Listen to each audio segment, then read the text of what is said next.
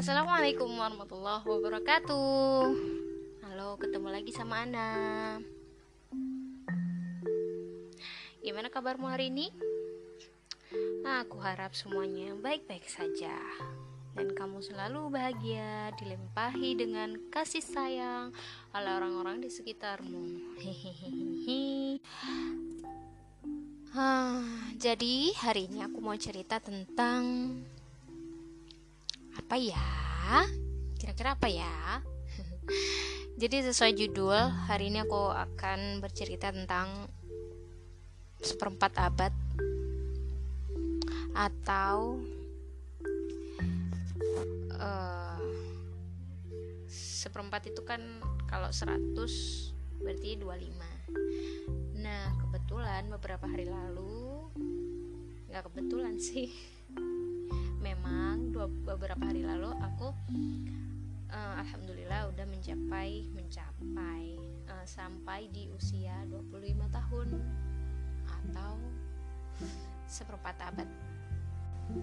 Sebenarnya ulang tahun bagiku bagiku itu bukan sesuatu hal yang sangat istimewa atau perlu di apa ya dirayakan atau di heboh-hebohkan. Dan aku cuma ingat seingatku pesta-pesta ulang tahun itu bisa dihitung jari. Hmm, mungkin selama 25 tahun aku hidup cuman berapa kali ya? Waktu aku lima tahun. Waktu aku kelas sekitar kelas 2 SD uh, terus waktu SD pernah lagi kayaknya sekali. Udah kayaknya. Iya. Ya itu yang maksudnya kayak ada syukuran atau pesta seingatku. Dan yang paling besar itu seingatku ya waktu aku lima tahun itu. Mungkin nggak tahu ya. Mungkin karena aku anak pertama lalu ibuku itu masih apa excited ya kayaknya semua orang tua pasti excited sih sama ulang tahun anaknya. Dan biasanya itu kalau lima tahun lima tahun itu uh, menjadi salah satu ulang tahun yang yang bisa dibilang harus dirayakan. Ha, bukan harus sih kebanyakan uh, orang tua itu mikirnya lima tahun itu ya di, di, di diadakan acara atau gimana gitu. Mungkin. Ya itu. Jadi seingatku yang berbau bau pesta itu ya cuman itu. Lalu kemudian uh, ketika aku mulai beranjak remaja ya remaja sih masih pengen kayak dirayain gitu kan. Cuman nggak terlalu sih. Jadi agak ya udah sih ulang tahun ya ulang tahun aja. Yang penting doa dari uh, keluarga dari teman-teman dekat gitu. Kado atau surprise ada ada beberapa. Dan alhamdulillah aku bersyukur sih kalau ada uh, teman-teman atau keluargaku yang uh, ngasih kejutan ataupun hadiah. Tapi kembali lagi sebenarnya aku tuh bukan tipe-tipe yang suka atau terlalu heboh dengan yang namanya ulang tahun. Waktu aku 17 tahun pun sama nggak ada acara Sweet Seventeen yang katanya uh, mungkin kalau sebagian besar remaja-remaja di Indonesia itu melihatnya sebagai sesuatu yang wow oh my god ini harus nih harus banget ini ngundang teman-teman harus banget ngerayain Sweet Seventeen. Nah aku nggak sama sekali nggak nggak ada rasa kepingin ataupun gimana gitu. Cuman waktu itu aku inget banget waktu ibuku masih masih hidup ya tentunya. Nah itu tuh lucu banget. Jadi kan memang aku tipenya yang nggak suka terlalu heboh gitu kan.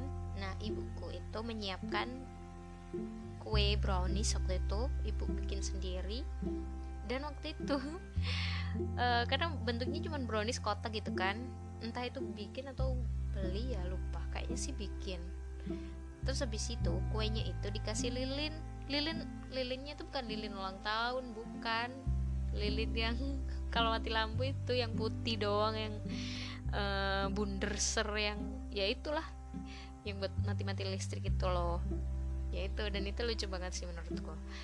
Bukan uh, dari apanya ya bukan dari bentuk kuenya atau seberapa mahal kuenya atau seberapa banyak hadiahnya atau seberapa meriah pestanya. Jadi menurutku yang paling penting itu adalah niat ibuku waktu itu untuk membuat anaknya senang. Dan alhamdulillah aku inget banget sampai detik ini. Berarti kan itu sesuatu suatu memori yang emang membekas. Dan kembali lagi memang memang bukan uh, bukan itu yang aku harapin sebenarnya. Jadi cukup ibuku berdoa untukku. Ya tentu ya pasti semua orang tua pasti mendoakan anaknya apalagi seorang ibu. Tapi kayak gimana ya? Mungkin ulang tahun bagi bagiku tuh uh, adalah sesuatu untuk mengukur seberapa uh, seberapa besar capaian-capaian atau prestasi yang udah aku raih.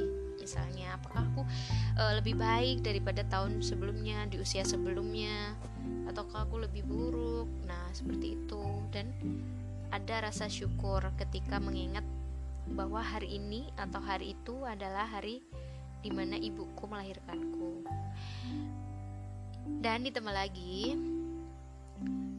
uh, setelah itu ya waktu-waktu berlanjut dari hari ulang tahunku yang ke-17 itu yang aku ingat ya udah uh, ulang tahun ulang tahun di tahun-tahun berikutnya berjalan seperti biasa. Ya ada yang ngucapin pasti ada satu dua orang ya beberapa lah. Teman-teman deket ataupun uh, adik ibu dan sebagainya cuman ya itu tadi nggak ada yang perayaan khusus atau gimana gimana kemudian sampai di kemarin di usia 25 tahun. Dan aku iya sama sekali nggak expect apa pun tentang ulang tahunku. Cuman karena aku punya suami ya kadang itu aku kayak eh, jadi sebelum hari H mungkin satu bulan sebelumnya kali ya. Kayak gini bi aku nanti ulang tahun loh kamu kamu inget kan kamu mau ngadu apa gitu kan Nah suamiku itu kebetulan juga bukan seorang yang terlalu romantis ya bilang aja.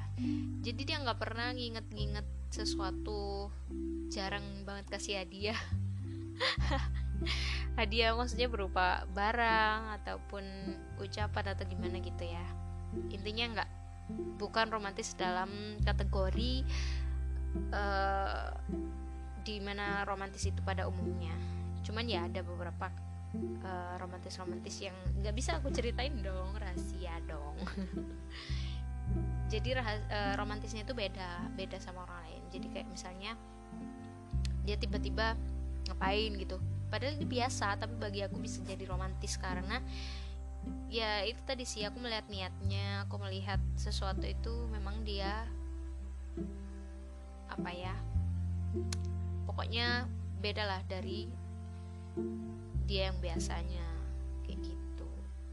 Nah sama seperti kemarin itu nah aku nggak nggak ya namanya aku kan ini ya ya pengen lah namanya juga dikado ataupun dikasih surprise gitu kan sama suami sendiri gitu. Sekali sekali kayak gitu. Tapi tapi ternyata nggak ada juga sama aja. Jadi di di hari sebelumnya itu aku sempet eh hari ini aku ulang tahun loh. Nah niatnya tuh ngetes gitu kan. Terus dia cek tanggal kan. Mana ada kamu kan bukan tanggal sekarang besok. Ya udah kamu mau kado apa gitu. Selamat ulang tahunnya gitu katanya. Padahal belum. Eh belum gitu kataku. Jadi aku yang marah. Aneh dasar wanita ya. Terus abis itu uh, sampai di hari H ternyata dia iya sama nggak menyiapkan apa-apa. Cuman dia pagi-pagi udah hei sayang ulang tahun ya gitu. Nah itu bikin aku alhamdulillah masih ingat gitu kan. Terus habis itu iya iya terima kasih aku gitu kan. Terus uh, emang mau ngadu apa gitu? Ngadu apa ya? Dia diem aja terus habis itu pura-pura gitu. Eh tiba-tiba transfer. Ya ya ya romantis nggak? Romantis buatku. Romantis aja lah ya itu kan bukan sesuatu yang spesial dan dia tiba-tiba ya udah memang caranya dia tuh unik. Dan setiap orang nggak sama untuk menyampaikan uh, tentang perasaannya kan. Jadi romantis itu macam-macam dan aku juga nggak perlu mendefinisikan romantis itu yang gimana gimana dan ya itu tergantung orangnya masing-masing. Terus aku mencerita itu aja. Nggak juga. Nah ternyata seperempat abad ini adalah apa ya aku mandangnya gini. Di hari-hari sebelumnya itu aku udah ya Allah ternyata udah 25 tahun aku udah punya anak mau 2 tahun. Kok nggak nyangka gitu? Masya Allah banget. Jadi rencana Allah itu memang indah. Jadi tahun 2015 aku kan ditinggal sama ibu. Ibuku meninggal. Lalu 2016 aku menikah dan itu juga karena bertemunya bertemunya sama suamiku itu uh, di saat setelah ibuku meninggal. Jadi semacam ya adalah ceritanya. Mungkin nanti lain kali aku ceritain ya. Terus habis itu 2017 aku melahirkan. Dan kemudian ya 2009 2019 ini tepatnya aku berusia 25 tahun di bulan April dan aku sangat-sangat bersyukur sama Allah sudah memberi nikmat yang luar biasa sampai usiaku yang sekarang ini dengan berbagai suka dukanya. Dan juga selanjutnya itu aku seperti mengalami eh bukan mengalami aku tuh kayak mikir gitu wah 25 tahun nih. Kalian pernah dengar gak yang namanya quarter quarter life crisis nah ini aku baca-baca itu kan uh, apa ya krisis di seperempat usia uh, atau seperempat usia kehidupan gitu kan. Nah kalau manusia itu misalnya rata-rata Indonesia itu orang-orang Indonesia itu usianya sampai 70-an berarti kan ya seperempat usianya itu atau quarter life-nya itu berkisar antara antara 20 sampai ya 30-an lah ya. Nah, di di sini aku juga sempat mengalami yang namanya krisis ini tadi, krisis mempertanyakan hidup di masa ini kan apa ibaratnya itu seseorang memasuki usia dewasa yang bisa dikatakan dewasa bukan remaja lagi bukan anak-anak lagi tentunya jadi udah dewasa dewasa dalam artian balik mukallaf dan siap menanggung uh, apa ya siap menanggung uh, kehidupannya sendiri gitu kan siap memilih jalan hidupnya dan mempertanggungjawabkan resiko-resikonya. Terus sama aku juga mengalami hal itu, di mana aku mempertanyakan, apakah aku sudah benar aku tuh nikah di usia yang terbilang mungkin muda ya, usia 20 eh aku nikah umur berapa sih? Astagfirullah. 2016 aku nikah berarti 2000 eh. Berarti 22 eh ya kan? 22 tahun. Aku menikah di usia 22 tahun. Di saat belum wisuda tapi udah udah ujian skripsi ya udah sidang. Dan aku udah mempunyai anak di usia 23 tahun. Eh ya 23 tahun.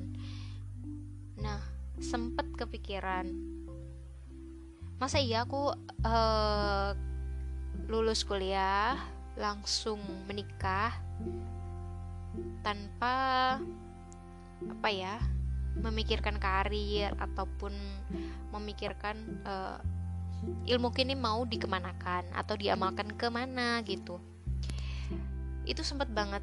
Ya bahkan mungkin sampai detik ini aku masih ngerasain yang namanya krisis itu. Apakah aku harus kerja di luar atau maksudnya mengabdi gitu dalam artian entah itu ngajar ataupun entah itu ke kerana sosial. Nah itu aku uh, masih sampai detiknya masih kepikiran.